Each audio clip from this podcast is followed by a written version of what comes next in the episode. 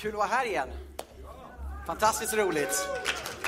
Det var nästan två år sedan sist tror jag, precis innan coronan började. Så det är otroligt kul att träffa er i församlingen här igen och eh, fantastiskt roligt allt som händer med parken här. Det har fått så otroligt fint och eh, hört att det händer massor med ungdomarna och, och, och, det är verkligen kul att, att vara tillbaka här igen. Eh, och tack för allt stöd under alla dessa år. Ni har varit med från första början när vi åkte ut 2007, eh, jag och Anna och barnen. Så ni har varit med i, i eh, ja, 14 år med i arbetet. Så det, det, vi är verkligen tacksamma. Och eh, eh, jag ska predika lite grann, men jag tänkte ge lite kort update på Business School. Vi har ju inte kunnat resa, eh, som ni förstår, under den här tiden. Vi har haft en del eh, digitala kurser i, i Sydamerika och i Asien och även eh, lite grann i Europa. Eh, inte riktigt liksom det tryck som vi har i vanliga fall, utan det, det är ju som det är. Men eh, nu när det börjar öppnas upp och så här så har vi ringt runt lite grann och kollat läget och det har varit otroligt uppmuntrande. Eh, så precis som, eh, som eh, Thomas nämnde här, så i Rumänien så pratade vi med hon som är ansvarig, Aura. Hon sa att inte ett enda företag har gått i konkurs bland alla biskoleeleverna. Fast det är många företag i land som har gått i konkurs. Och flera personer har fördubblat och en del har till och med tredubblat sin verksamhet. Verkligen mirakulöst alltså. Och, eh, och jag var en av våra medarbetare som var nere i Rwanda nu eh, för en månad sedan och eh, träffade våra, våra lärare där och de sa att det, det är helt fantastiskt. Vi har haft ungefär 800 eh, elever i Kigali. Av dem så räknar man ungefär nästan 400 företag har startats. Så vi, det är nog den plats vårt störst genombrott av alla. Och eh, eh, precis innan corona var vi där, vi träffade flera personer som, som eh, då har gått skolan. Vi träffade en kille som var uppväxt i en muslimsk familj. Han har blivit kristen och eh, han var väldigt fattig, han hade liksom inga, inget jobb, ingenting, han hade inte ens råd att åka till kyrkan. Utan han fick gå till kyrkan, han hade hål i sina skor. Och hans muslimska släktingar hånade honom. Titta, nu har du blivit kristen, nu har du blivit fattig. Va? Och de sa, nej men Gud ska välsigna mig, jag ska bli entreprenör, sa han. Och, eh, och så gick han business school och så började Gud öppna dörrar för honom. Och, och, och, så var vi och eh, besökte honom i en av hans restauranger som han nu ägde. Och veckan efter skulle han öppna sin andra restaurang. Och han hade tre företag som Gud hade gett honom. Han hade 22 anställda. Så att, eh, och han, han hade sina muslimska släktingar som anställda i företaget nu, så det var en annat ljud i skällan. Så det var fantastiskt. Så det är jätteroligt. Och igår så pratade jag med en av våra medarbetare i Egypten. Så om två veckor, lördag om två veckor, så öppnar vi vår första Zoom Focus Business School eh, på arabiska. Eller jag kommer undervisa på svenska, men de kommer översätta till arabiska. Och vi har elever från Marocko, Algeriet, Tunisien, Libyen, Sudan, Libanon, Irak, Egypten och Saudiarabien. Så det känns väldigt, väldigt spännande. Så jag känner mig väldigt laddad inför det här. Ni får gärna be för det. Hon sa be för oss, för vi upplever en otrolig andlig strid just nu och det tror jag. I och med liksom det, det, att vi ska få bryta igenom på så många platser. Hon sa att fler personer som ska gå business school är bland de ledande för kristenheten i exempelvis Egypten och Marocko.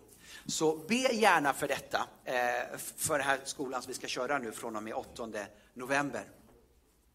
Gott, men nu ska jag prika ett Guds ord. Låt oss bara be först. Tack himmelske Fader att du är här och nu.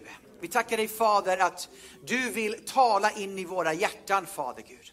Och jag bara ber att du har ett levande ord in i vårt liv Herre. Och jag ber Herre att all form av betryck Fader som vill ligga mellan oss och dig Gud som gör att vi blir stumma för den helige Andes röst Herre. Vi blir stumma för att känna Guds närvaro Fader. Att allt sånt bara bryts just nu Fader Gud. Och att den heliga når fram Fader, där du får uppliva oss Herre. Där du får, där får känna att vi går härifrån mätta Fader. Vi känner oss styrkta i vår tro Herre. Och du har utrustat oss att vandra med dig Jesus. Välsigna församlingen, Herre. Välsigna var och en, Herre. Och vi tackar att var och en av oss, Herre, får vara en Guds man och en Guds kvinna, Herre, som följer Jesus i denna tid, Herre, och som bär frukt in i evigheten. I Jesu namn. Amen. Eh, jag ska tala om att du kan bli av med dina kläder, men inte din kallelse. Och nu är det inte dina fysiska kläder vi talar om nu förstås. Utan eh, jag, jag, jag, kommer tala utifrån Josefs liv, eh, därför Josef hade olika kläder som togs från honom under olika säsonger av livet. Och eh, jag skulle bara önska att Gud bara hjälper dig att ge perspektiv på vad du går igenom i de olika faserna i ditt liv. Och vi ska läsa den första Mosebok 37, vers 2-6. Detta är Jakobs fortsatta historia. När Josef var 17 år vallade han fåren tillsammans med sina bröder. Som ung hjälpte han sön, söner till Bilha och Silpa, sin fars hustrur. Och Josef berättade för deras far allt ont som sades om dem.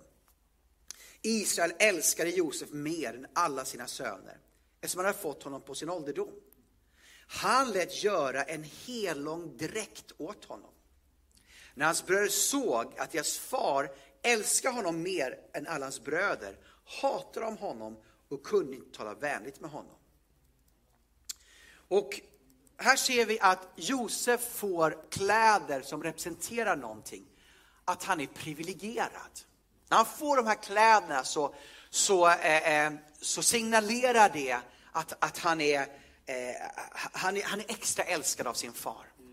Hans andra bröder är ute och vallar fåren, men han har den här lång, den hellånga dräkten. På engelska står det a coat of many colors.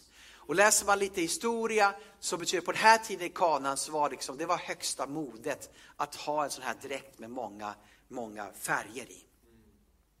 Och eh, under hans liv, som vi försöker snabbt gå igenom här idag, eh, så togs hans kläder ifrån honom flertal gånger. Och eh, eh, han blev också given olika kläder under sitt liv som representerar hans identitet och position i de olika säsongerna av hans liv. För vet, kläder representerar identitet och position. Det identifierar vem du är. Ja, men om, du, om du ser en hemlös som bor på gatan så kan du se på kläderna att det är en hemlös människa. Olika yrken klär sig i olika kläder för att signalera identitet. Exempelvis en polis signalerar att jag har auktoritet att stoppa din bil och ge dig böter. Ja, men kommer, kommer Christer bara stoppa en bil på gatan, du har kört för fort, nu får du betala här. Så skulle de inte liksom lyssna på honom. Men skulle han ha en polisdräkt på sig så skulle de bli väldigt nervösa. Därför att det signalerar en auktoritet. Vi har militärer, har sina militärkläder, vi har läkare, har sina vita kläder för att visa att de är rena, att det inte finns några bakterier när de ska behandla dig. Vi har, eh, vi har präster som visar att man står för liksom, att man talar från Gud. Nu har inte vi prästkläder i frikyrkan, men andra, andra kyrkor har det. Eh, eh, kriminella kan ha sina kläder, i Stockholm kallar vi för Adidas, Adidas-riddare. De har sina tre streck där på sidan. Och det är liksom ett yttre skal för att beskriva och signalera vilka vi är och vad vi gör. Och under livets säsonger har vi också olika kläder. Nu börjar vinter, vi sätter på oss vinterjacka, och på sommaren har vi shorts, och när det regnar så har vi regnkläder. Kläderna liksom är så mycket vi faktiskt. Och den första dräkten som, som Josef fick, den här manteln, var den bortskämda ynglingens position. Han var en brat, en golden boy. Men, han, men den togs ifrån honom, från hans bröder. Och inte bara när de tog det ifrån honom, så tog de hans kläder, utan hans också privilegierade ställning. I första Mosebok 37, vers 18-24, så står det så här, men de såg honom på avstånd. Innan han kom fram till dem började de prata om att döda honom. Och de sa till honom, där kommer drömmaren. Kom nu så dödar vi honom och kastar honom i en brunn. Och i vers 23 står det, när Josef kom fram till sina bröder slet de av honom den helånga dräkten som han hade på sig. Och de tog och kastade honom i brunnen och den var tom och det fanns ingen vatten i den. Och sedan satte de sig ner för att äta. Vad var det som triggade dem att göra det här? Ja, dels var det ju kläderna och privilegiet, men ytterst sett så var det någonting annat som gjorde att de hatade honom. Och det var drömmen. Här kommer drömmaren. Och det är så att har du fått en dröm från Gud så kommer Satan att hata din dröm. Därför att din dröm är en manifestation av Guds kallelse och plan på ditt liv. Josef hade en genuin dröm, han hade en genuin kallelse, han hade ett genuint tilltal genom den fysiska drömmen han hade haft. Och trots alla bristerna som han hade i de olika säsongerna i livet så hade Gud en kallelse på hans liv. Och när du ser en person som kanske delar en dröm, vad de vill göra, vad de har bär sitt hjärta. Och så jämför du orden som kommer ut ur deras mun med hur deras liv är, så brukar inte det alltid matcha. Eller hur? Därför att drömmen pekar på målet. Det är som du sitter här nu, snön har lagt sig och så tar du fram liksom Vingresors eller TUIs katalog och tittar på, liksom, på Gran Canaria och en all, äh, vet du det, all eh, inclusive hotell med pool och allting. Liksom, och så drömmer dit ska jag och så beställer du den där, den där resan. Va? Men, men du befinner dig ju inte där, men du vet dit ska jag. Och så likadant med Guds dröm, va? det är någonting helt annat än den gråa verklighet som du befinner dig. Men den är sann ändå. Det är dit du är på väg. Och, och Drömmen och personens liv, det är någonting som Gud kommer jobba med att det ska matcha. Och det kommer vi se i Josefs liv, att hela den här resan slutligen leder till destinationen. Men när vi får uppleva det här, precis som Josef får uppleva, liksom, vi kan läsa berättelsen och tycka att den liksom berör oss på olika sätt. Men när vi är med om samma sak så är det inte lika roligt. va? Liksom, vi kan berätta om Josef på söndagsskola, men när du får uppleva det i ditt liv så är det inte söndagsskola precis. va? Utan det, det är gråt och tandagnisslan, va? det är smärta. Va? Eh, eh, eh och, och människor och omständigheter kan ta dina kläder ifrån dig. Inte bara omständigheter, utan när människor kan behandla dig orättvist, fatta beslut som gör att saker och ting tas ifrån dig i ditt liv. Ditt företag.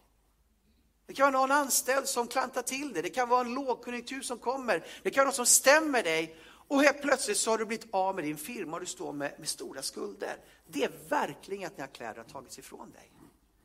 Och du känner att det är slut. Den jag var är jag inte längre. Ditt jobb tas ifrån dig. Kanske jobbat här på Domsjöverket eller vad de heter för någonting, jag vet inte. Allt vad de heter, platserna här. Husum och eh, var du nu har jobbat någonstans. Och så plötsligt så bara skär de ner och så blir du av med ett jobb. Och du kanske inte får ett nytt jobb. Ditt yttre tas ifrån dig. Det som du har byggt ditt liv kring. Det som du har identifierat dig med, det rycks ifrån dig så skapar det ofta en livskris. Vi har alla varit med om det här, att det vi har kärt rycks plötsligt ifrån oss. Och jag tror inte att vi kan undvika det. Du är inte ensam om det. Jag tror alla vi i detta rum har varit med om det och ju äldre du är, ju fler gånger har du varit med om det. Va? Och det är väldigt, väldigt smärtsamt. Och vi kan känna oss oerhört orättvist behandlade. Ja, men, nog för att han var skrytsam, nog för att han var arrogant. Men var det rättvist att de sålde honom som slav? Nej. Var det rättvist att han blev bortskjuten från sin familj och blev en ensam 17-åring? Nej. Och vi tänker att vi förtjänar inte det här som händer oss. Och vi frågar oss själva, varför händer det här mig? Stackars mig. Förtvivlan och hopplöshet slår till. Och nu när de här positiva omständigheterna, eller vännerna, eh, positioner är borta, vad ska vi göra nu? Hur ska jag klara mig? Det vi har förtröstat på, det vi har identifierat oss med, är borta ur våra liv. Och vi känner oss nakna, utsatta, ensamma, sargade och sårade. Kan du minnas den där stunden när du var där, hur förtvivlat det kändes? Eller kanske är du just nu i en sån situation när du känner dig totalt förtvivlad, totalt avklädd av allt det goda och härliga och fina som gjort att du har njutit av livet. Och nu känns det som du bara bor ibland törnen och tistlar. Va? Men det är inte slutet. Det var inte slutet för Josef. Utan han kom, står det i kapitel 39. Josef var det först ner till Egypten och Potifar som var hovman hos farao och befälhavare för livvakten köpte honom islam, ismaliterna. Gud ledde den här mannen att köpa honom, som hade fört honom dit. Och det står att Herren var med Josef och han blev en man som lyckades med allt. Han var i sin egyptiska herres hus och en herre såg att Herren var med honom eftersom Herren lät allt han gjorde lyckas i hans hand. Och Josef fann nåd för Puttifars ögon och fick betjäna honom. Och Puttifar satte honom över hela sitt hus och lämnade allt han ägde i Josefs händer. Och från den stunden han satte honom över sitt hus och alla sina ägodelar välsignade Herren Egyptens hus för Josefs skull. Herrens välsignelse vilade över allt som var hans, både hemma och ute på marken, och han lämnade allt i Josefs händer. Med, hjälp, med honom som hjälp bekymrade han sig inte för något annat än maten han åt. De flesta människor hade varit brutna vid det här laget. Alltså tänk dig själv, dina egna syskon vill ha ihjäl dig och säljer dig till en slavmarknad. De flesta människor skulle från den stunden bara leva på minnen från fornstora dagar. Ska sitta där bland de andra liksom slavarna och säga, alltså en gång i livet, vet jag var privilegierad. Ska jag veta vilken mat jag åt. Ska jag veta vilka människor jag lev, fick träffa. Ska jag veta, liksom, vi, gjorde, vi gjorde det här och det här och det här. Och, och det var så fantastiskt. Liksom. Du ska ha sett möblerna i vårt tält. Och, och så bara berätta, va? hålla på i 50 år framåt. Va? Och berätta liksom. Lever liksom och suger på den här karamellen, va? evigheten lång. Va? Men det fanns två saker Två. Det fanns två saker som gjorde att han inte blev en skugga av sitt forna jag. Det första var, Herren var med honom. Även om alla människor överger dig och slutar tro på dig, så är Gud din skapare, din trofasta fader. Människor som du har sett upp till kan sluta tro på dig av olika anledningar. Men Gud gör inte det. Han överger dig aldrig och han lämnar dig aldrig. Ju mer sargad, naken, ensam du är, så är han där. Tillsammans med honom börjar ett nytt kapitel. Det spelar ingen roll hur det gamla kapitlet slutade, så börjar ett nytt kapitel tillsammans med Gud. Djävulen kan ta till och med ditt äktenskap ifrån dig, dina pengar, ditt jobb. Men han kan inte ta Gud ifrån dig. Ingen kan ta Gud ifrån dig. Det första Bibeln säger här efter att beskriva den nya platsen var när, Josef kom dit. Herren var med honom. Han kom inte totalt ta ingenting.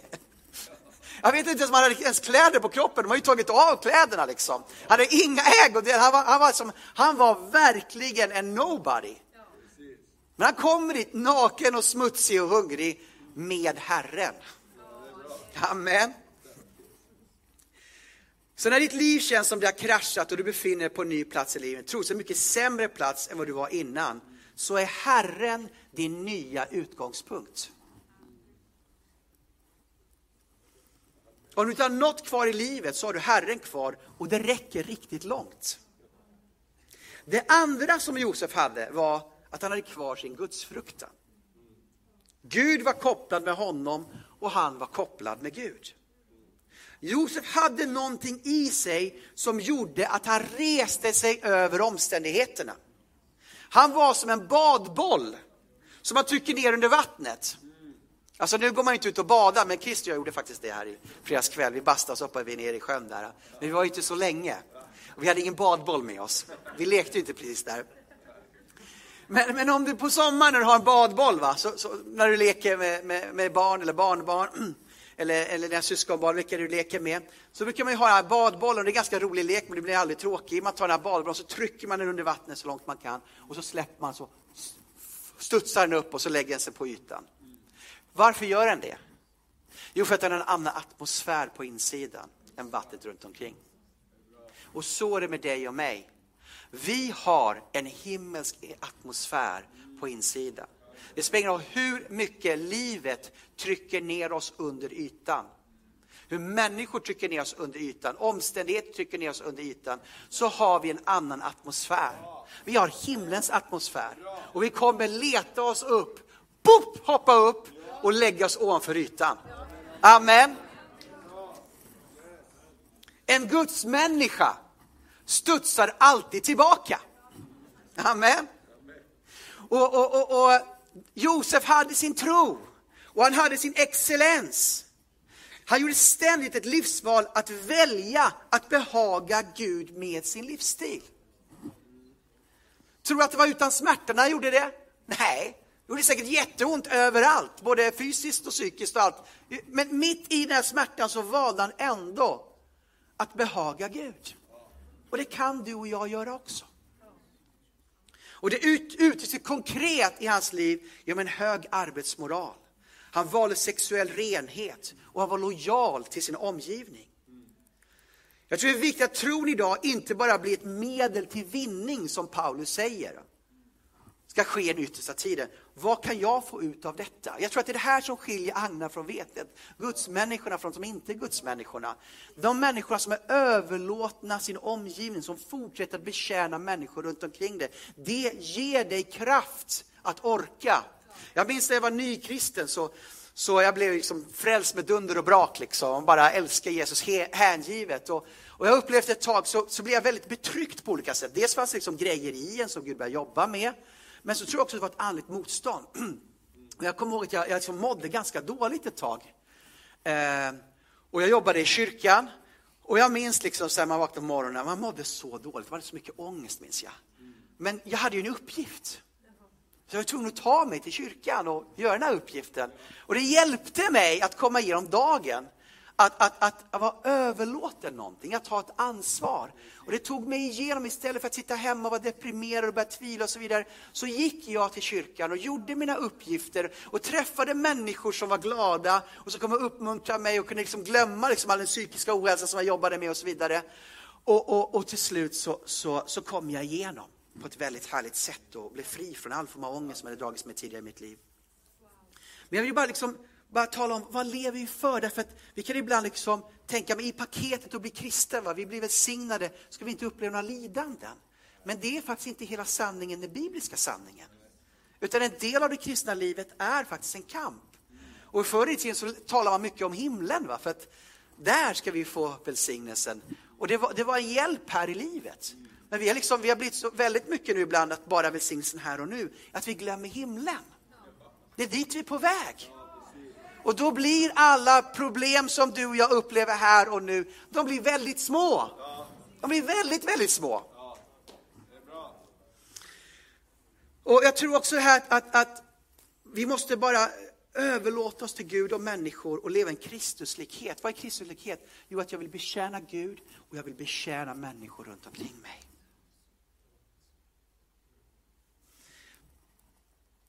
Jesus var, eh, Josef valde att vara en god förvaltare av det han hade i den omständigheten.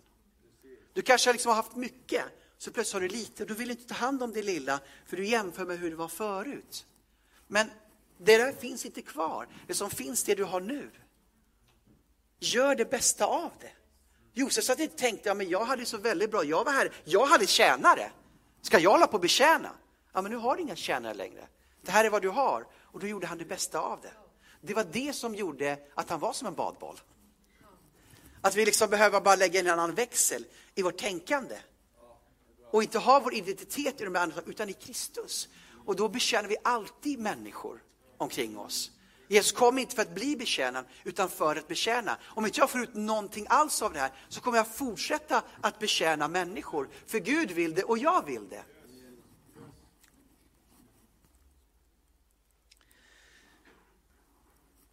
För hans identitet var vem han var i Gud och sin karaktär. De kan ta dina kläder ifrån dig, men de kan inte ta din kallelse ifrån dig. De kan ta dina kläder ifrån dig, men de kan inte ta Gud ifrån dig. De kan ta dina kläder ifrån dig, men de kan inte ta ifrån dig vem du väljer att vara. Nu kanske vi tänker att ja, men nu blir ju allting frid och fröjd. Han kom igenom den här livskrisen. Han eh, blev chef eh, i en av de högsta statusfamiljerna i Egypten. Nu är allting bra. Han kommer att vara känna resten av sitt liv och gifta sig och vara välsignad och så vidare. Men det tog inte slut. För andra gången så tas hans kläder ifrån oss.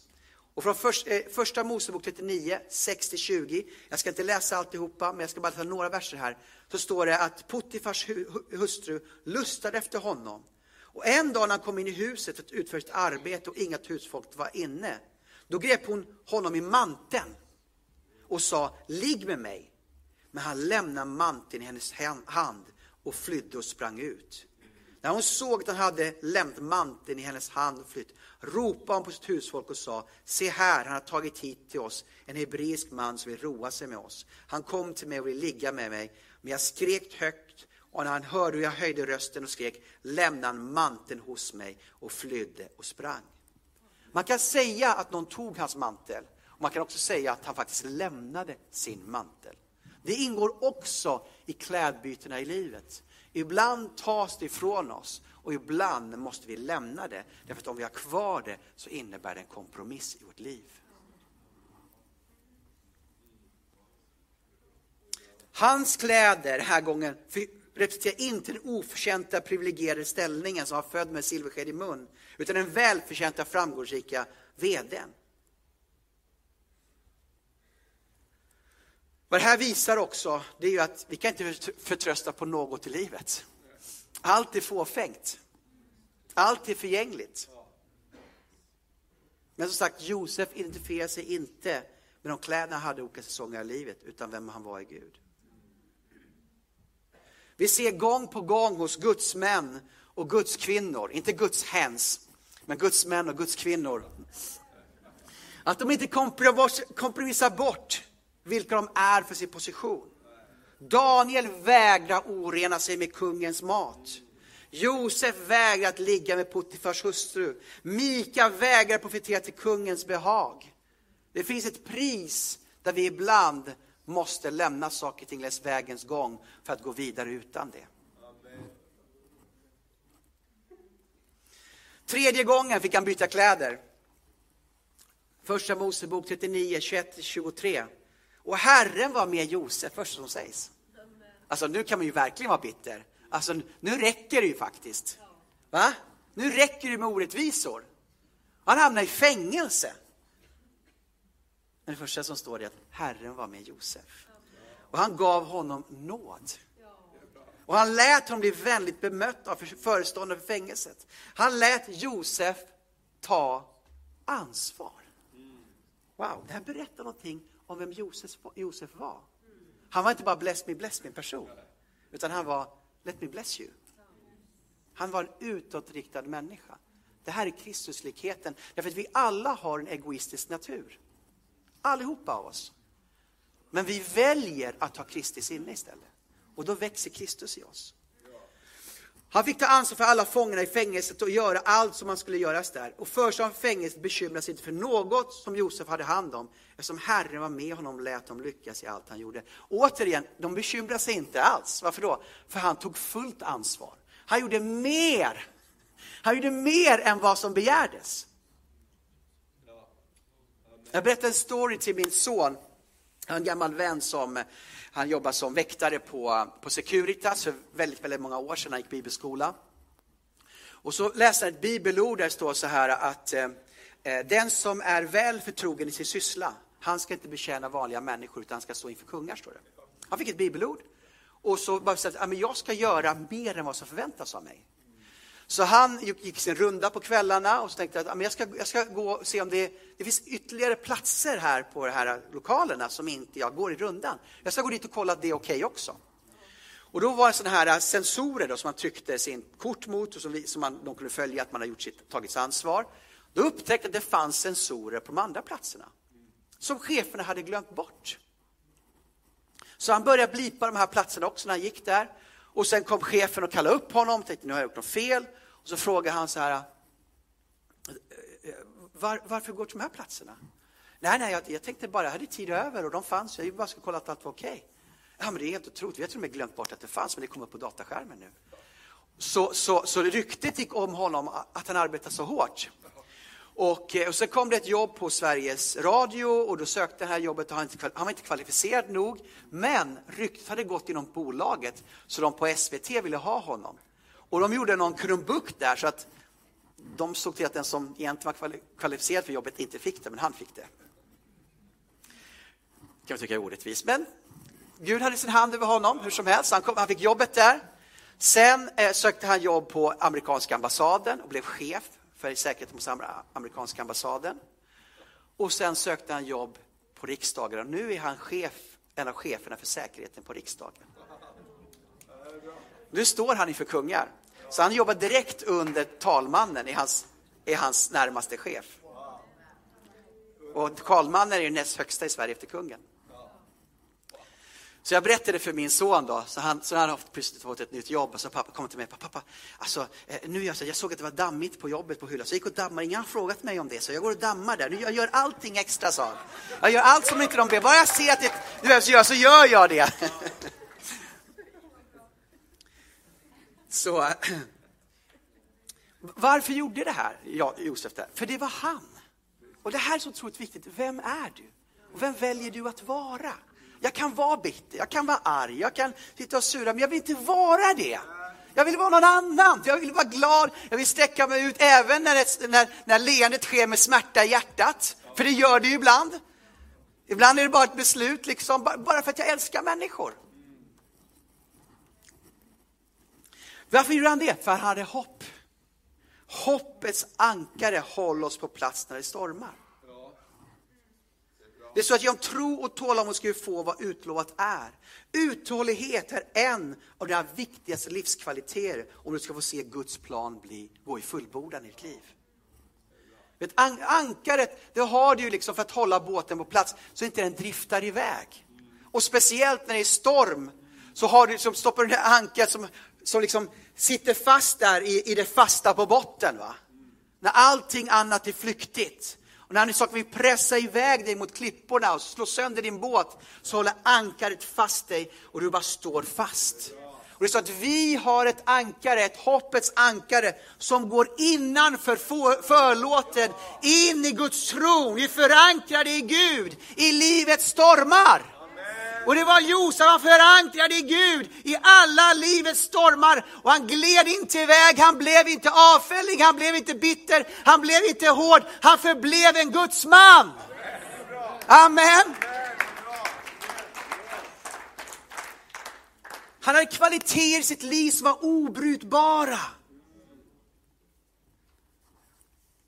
Gud tror jag, lät Josef gå igenom alla dessa svårigheter för att skapa en bättre version av Josef. Det var så hans karaktär skulle matcha hans kallelse. Tror du att den här 17-åringen som fick en vision av att hans bröder skulle böja sig för honom och mamma och pappa skulle böja sig för honom och det var stjärnor, det var skärvar och det, liksom, det var, det var liksom ledarskap. Tror du den här 17-åringen var redo för att kliva in i en sån position? Icke! Inte i närheten ens. Men allt det han gick igenom formade Josef, så den en dagen han stod inför farao och tydde drömmarna och blev satt som herre i praktiken över nationen, så var det en annan Josef. Det var en bruten Josef, det var en ödmjuk Josef, det var en betjänande Josef, det var en ansvarsfull Josef, det var en kärleksfull Josef, det var en död Josef, det var, det var, det var en uppstånden Josef, det var en, det var en Guds Josef. Det var en Josef som är den främsta förebilden på Jesus Kristus gamla testament. Det var den Josef vi såg. Amen. Och det är vad Gud gör med oss genom alla dessa stormar. Han skapar en bättre version av oss. Låt oss säga att vi ska vi skapar ett fotbollslag nu här. Vi har, vi har, Parkens fotbollslag eller vad ni ska kalla det för någonting. Va? Och, så, och ni siktar, ni är jätteduktiga och ni siktar på att ni ska liksom hamna i allsvenskan i Sverige. Var, var börjar ni? I den lägsta serien, eller hur? Och så spelar ni lägsta serien och ni kanske är jätteduktiga och ni liksom spelar skjortan av allihopa och vinner 10-0 och så vidare och så kommer ni, vinner serien. Vad händer då? Du går upp till en högre serie. Vad händer i den högre serien? Det är större motstånd. Helt plötsligt, vi heter 10-0, utan det är kanske 1-1 och kanske förlorar någon match och så vidare. Och du måste skärpa dig, laget måste skärpa sig. Liksom, vi, vi, måste bli mer disciplinerade vad vi äter, vi måste gå upp tidigare och träna, vi måste slippa vår teknik och, och så vidare. Och så måste vi bli lite bättre för att klara det här motståndet. Och, och så går vi igenom den här transformationen. Och så kanske vi vinner ligan då, va? och så går vi upp till en högre liga. Och vad händer där? Ja, det är ännu tuffare motstånd. Och nu kanske vi måste få in en ny tränare och kanske de som inte vill betala priset måste kanske lämna laget. Vi tar in någon annan som vill betala priset och så slipper vi vårt lag och så blir vi bättre och, och, och blir, blir, blir, mycket, mycket skickligare. Och så kanske vi vinner ligan där och så går vi upp till nästa liga och slutligen kanske vi når faktiskt allsvenskan. Och det går inte att känna igen det laget med det här laget som började. Vad är det som har format oss? Motståndet. Motståndet har fått oss att växa. Motståndet har fått oss att bli annorlunda. Motståndet har fått oss att lägga undan saker som inte funkar längre. Och ta till oss saker som vi faktiskt behöver för att leva där. Därför låter Gud oss gå igenom saker och ting.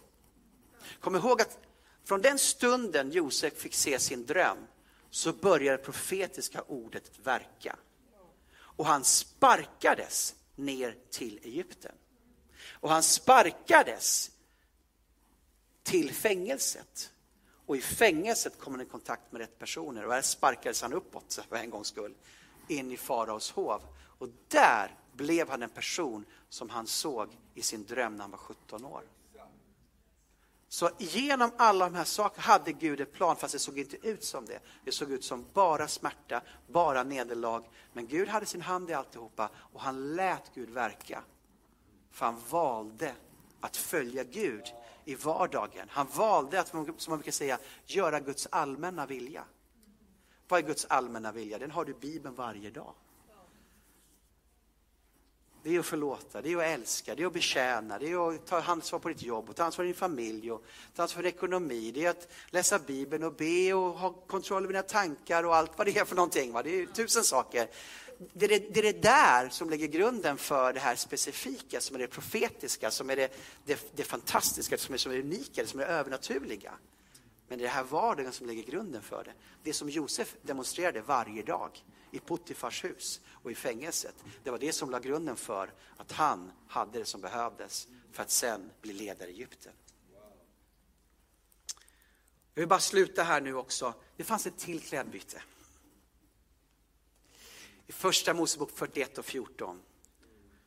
Eller för två kläder till. Då skickade farao bud efter Josef. Man skyndade sig att hämta honom ur fängelset och han fick raka sig och byta kläder och kom sedan inför farao. Nu var tiden inne att kliva in på den profetiska kallelsen. Varje prövning som Josef hade gått igenom hade lett ett steg närmare kallelsens uppfyllelse. Varje tragisk händelse var där för att uppfylla Guds plan för Josefs liv. Mm.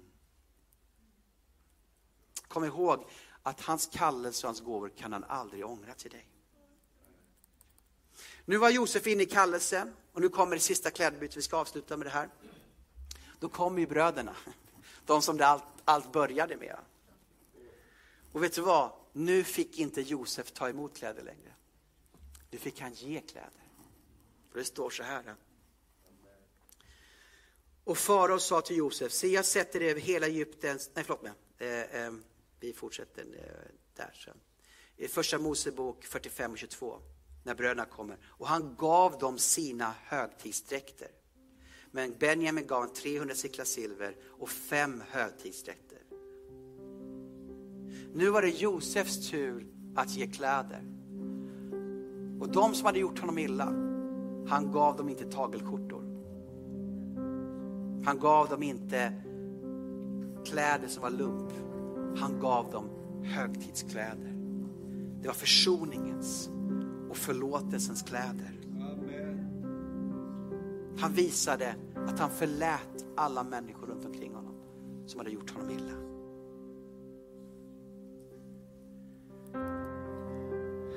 Genom förlåtelsens kraft så kan vi plocka ut varje sten som har lagts i livets ryggsäck.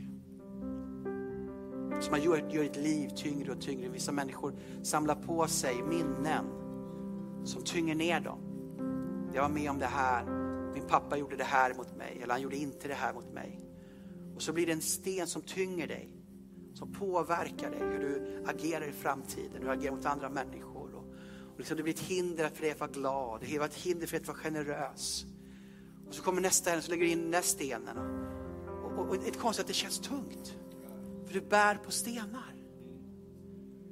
Men att komma inför Gud, det är inte alltid lätt att förlåta. Vi kan inte alltid göra det i vår egen kraft. Men Paulus säger, inför Kristi ansikte har jag förlåtit de som jag ska förlåta, säger Korinthierbrevet. När du kommer inför Gud så kan heligande hjälpa dig att förlåta människor. Och du plockar bort de här stenarna ur ditt liv. Det blir så mycket lättare. Och den här underbara atmosfären från helige ande fyller dig istället. Och du känner att du är över och inte under det som har varit. Och du kan som Paulus säger glömma det som är bakom dig för att kunna sträcka dig mot det som är framför dig. Kliva in i nya situationer, nya välsignelser, nya saker som Gud har för ditt liv. Och det spelar ingen roll om du är 20 eller du är 75. Gud har alltid nya välsignelser för oss. Halleluja. Och slutligen ska vi den största välsignelsen. När vi går om pärleporten. Wow, det är därför Bibeln säger att vi går från härlighet till härlighet. Amen. Halleluja. Och så bara be tillsammans. Och eh, jag vet inte var du befinner dig i livet eller har befunnit dig. Eh, eh, du vet precis hur den här predikan har talat till dig. Vilken vinkel har kommit in i ditt liv, på vilket sätt den liksom passar in i ditt liv. Men gå inför Gud just nu. Då ska vi bara tala med Herren och den helige Ande verka. Hela oss, befria oss, vad han nu behöver göra med oss. Stärka vår uthållighet eller stärka vår tro eller hopp eller vad det än är för någonting. Uppmuntra oss, vi känner att vi sitter fast i någonting och undrar om det någonsin bli någonting bra igen. Halleluja. Fader, vi bara tackar dig. Tack helige Ande. Tack helige Ande att du är här helige Ande. Tack att vi får komma med våra unika liv inför dig Gud. Och bara ta emot din unika plan för våra liv Jesus. Vi tackar dig Herre att det som binder oss fast i kedjor Herre, vi får släppa det Gud. Tackar dig Herre att vi får bara tro Gud att du är med oss Herre. Tack att vi får hålla fast vid den goda bekännelsen Herre. Tack att du har nya saker för oss Gud. Halleluja. Tack att vi får följa lammet var helst han går. Att du bara leder oss, vi, vi följer efter dig Jesus. Och du bara leder oss in i nya välsignelser hela tiden Herre. Halleluja. Åh Gud, jag bara ber för varje person här inne Herre. Du, du vet vad de har gått igenom här. Du vet vad de står i här. Du vet de som känner sig brutna just nu Herre hur, hur, hur predikan talar till dem. Men de känner liksom att ja, men det är som ett, ja, som ett brutet ben, jag kan inte gå. Men Herre, jag bara tackar att du är den som läker oss Gud. Du låter läkandeprocessen ske inom oss Herre. Och plötsligt så kan vi göra det vi inte kunde göra tidigare Herre. Halleluja. Äh, missmodet släpper Herre, ångesten släpper Jesus. Oförlåtelsen släpper Herre, tron kommer tillbaka, hoppet kommer tillbaka, glädjen kommer tillbaka Herre. Halleluja, tack för befrielsens kraft, den heliga Ande Herre. Halleluja, du bara lyfter oss upp till nya nivåer Herre. För Gud är allting möjligt. Halleluja, bara tala över ditt liv. För Gud är allting möjligt. Halleluja. Oh,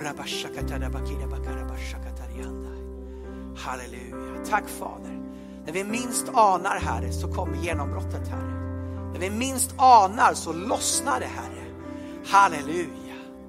Oh,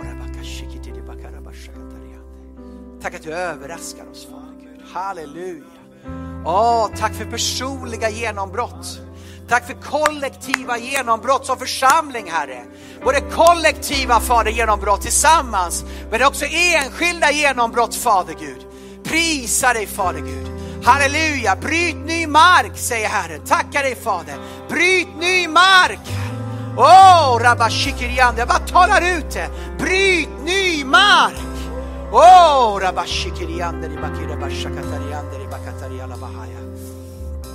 Åh, oh, Rabashikiriande, Ribakatariande. Halleluja, jag ska bara sjunga en sång. Åh, Rabashikiri, Bekiri, Bekishtikiriande, Bekiri, Bakari, Åh, Shikiri, Barala,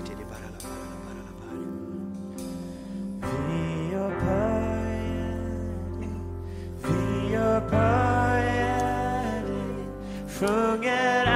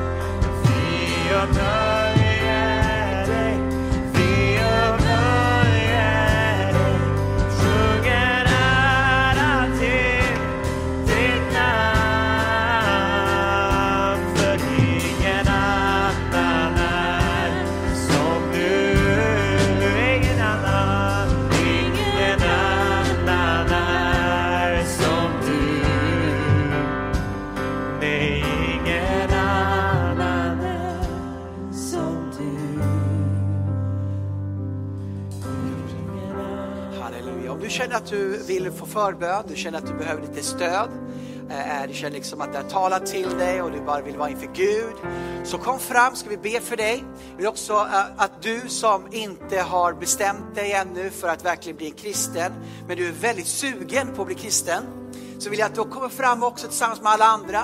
Du kommer inte att utpekad på något sätt eftersom vi är många som kommer fram här och vi ska be för dig. Och så kan du bara, liksom, när, vi, när vi kommer fram enskilt till dig, så kan du bara liksom säga till att, att jag vill bli kristen. Då ska vi be tillsammans med dig och be som man kallar frälsningsbön, när man tar steget över tröskeln och kliver in och blir ett Guds barn och kommer in i Guds rike. Så välkommen fram medan vi tar och prisar Gud så ska vi be tillsammans med pastorsteamet här för dig och, och, och ditt liv. Att du bara får komma vidare. Halleluja, amen. Välkommen fram.